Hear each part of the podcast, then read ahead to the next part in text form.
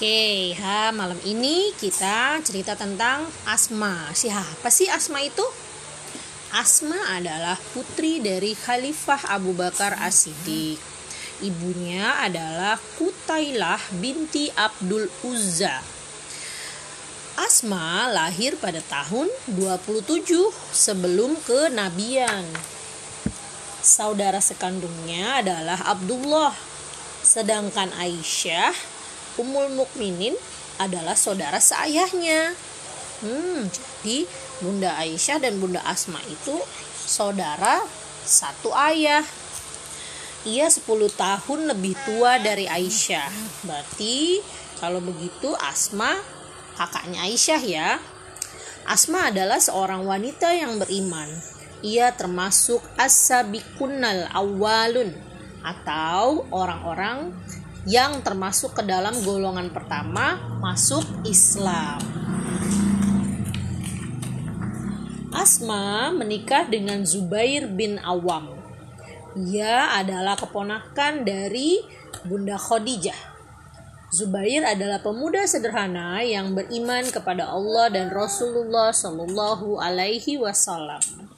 Saat Zubair menikahi Asma, dia tidak memiliki rumah Zubair hanya mempunyai seekor kuda. Suatu hari Asma bertanya kepada Rasulullah Shallallahu Alaihi Wasallam, di rumahku tak ada barang yang berharga. Namun, bolehkah aku tetap menyedekahnya sebagian?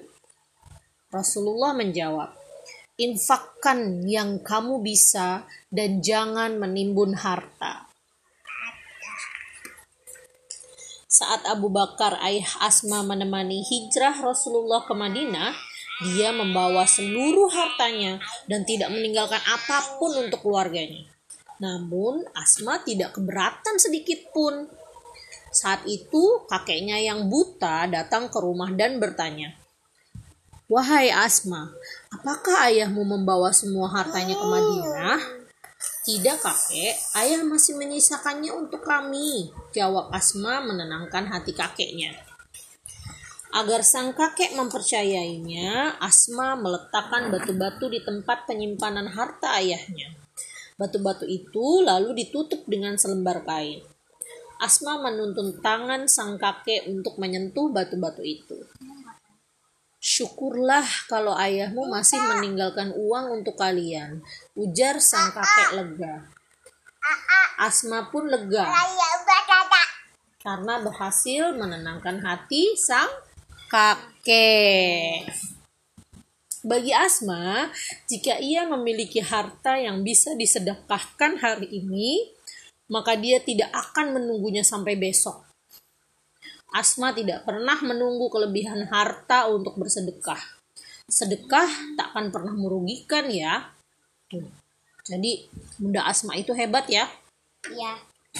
Walaupun uh, dia tidak punya banyak harta, dia itu tetap bersedekah. Misalnya begini.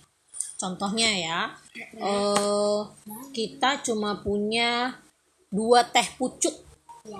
Nah, kita beli dua teh pucuk, tapi kan kita berempat nih, hmm. ya kan? Tapi ada ada nenek-nenek tuh yang kehausan. Bagusnya gimana? Sedekahin. Ya, harusnya kita sedekahin ya, walaupun teh pucuknya cuma dua, kita minumnya cuma satu. Tapi nenek nenek nenek yang kehausan itu jadi nggak haus. Haus. Asma pun berpesan pada anak-anaknya agar selalu bersedekah. Dia mengatakan bahwa jika menunggu harta berlebih untuk bersedekah, maka tak akan pernah ada kelebihan, kata beliau. Oh. Namun, jika kita usahakan untuk bersedekah, kita tidak akan pernah kekurangan. Masya Allah. Ibunda Asma belum memeluk Islam, namun Asma tetap menjalin silaturahim dan hubungan baik dengannya. Hal itu atas petunjuk dan arahan dari Rasulullah Shallallahu Alaihi Wasallam. Suatu ketika Rasulullah Shallallahu Rasulullah Shallallahu Alaihi Wasallam hendak pergi hijrah secara diam-diam bersama Abu Bakar. Asma mempersiapkan bekal untuk mereka, namun tak ada tali untuk mengikatnya. Maka ayahnya memintanya untuk merobek selendangnya menjadi dua.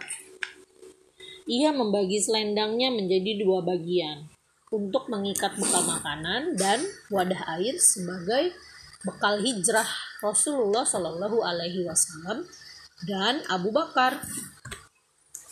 Karena peristiwa itu, Asma binti Abu Bakar dipanggil dengan julukan Zatun Nitokoin, pemilik dua ikat pinggang. Asma binti Abu Bakar merupakan sosok yang sangat berjasa di dalam Islam. Dia senantiasa memperjuangkan dan mendakwahkan Islam sampai akhir hayatnya. Setelah ayahnya dan Rasulullah Shallallahu Alaihi Wasallam berangkat hijrah, kaum Quraisy mendatanginya Hei, katakan di mana mereka? Aku tidak tahu, jawab Asma. Dia teguh pada jawabannya meski orang-orang Quraisy mengancamnya. Ya ini yang tadi. Ya, betul. Keberaniannya kembali ditunjukkan saat dia menyusul sang ayah berhijrah. Dia melakukan perjalanan dalam keadaan mengandung anak pertamanya. Sesampainya di Madinah, lahirlah anak pertamanya. Siapa namanya? Abdullah. Ya, nama anak pertamanya betul. Dia diberi nama Abdullah. Abdullah bin Zu bin Zubair. Nama ayahnya kan Zubair.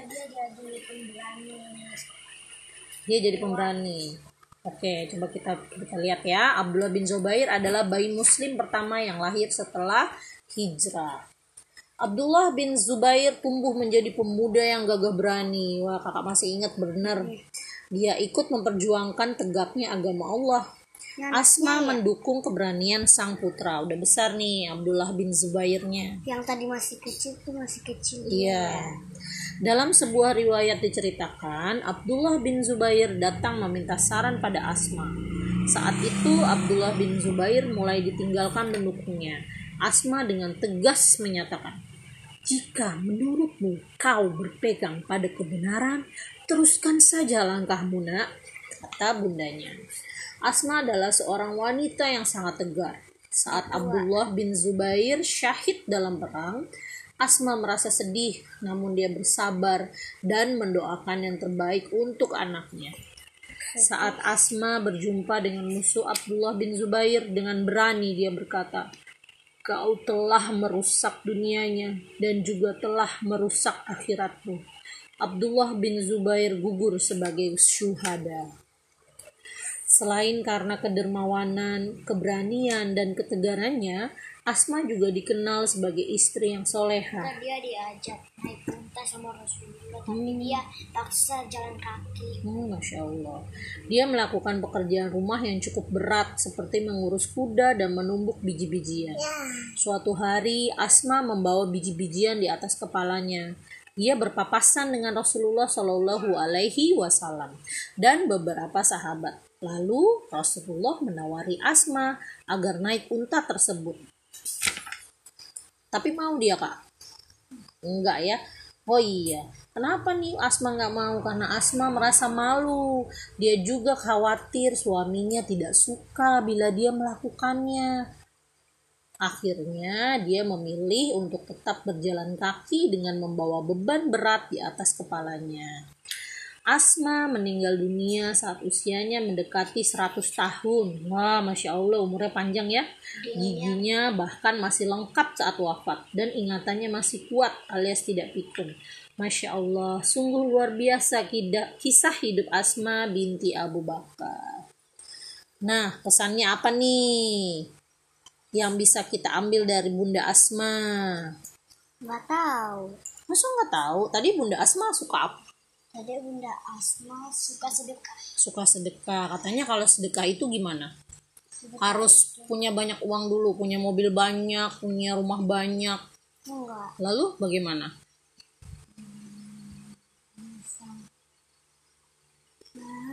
Bersedekah dengan harta yang kita punya, walaupun belum banyak ya. Lalu kita juga sebagai muslimah harus harus takut apa berani?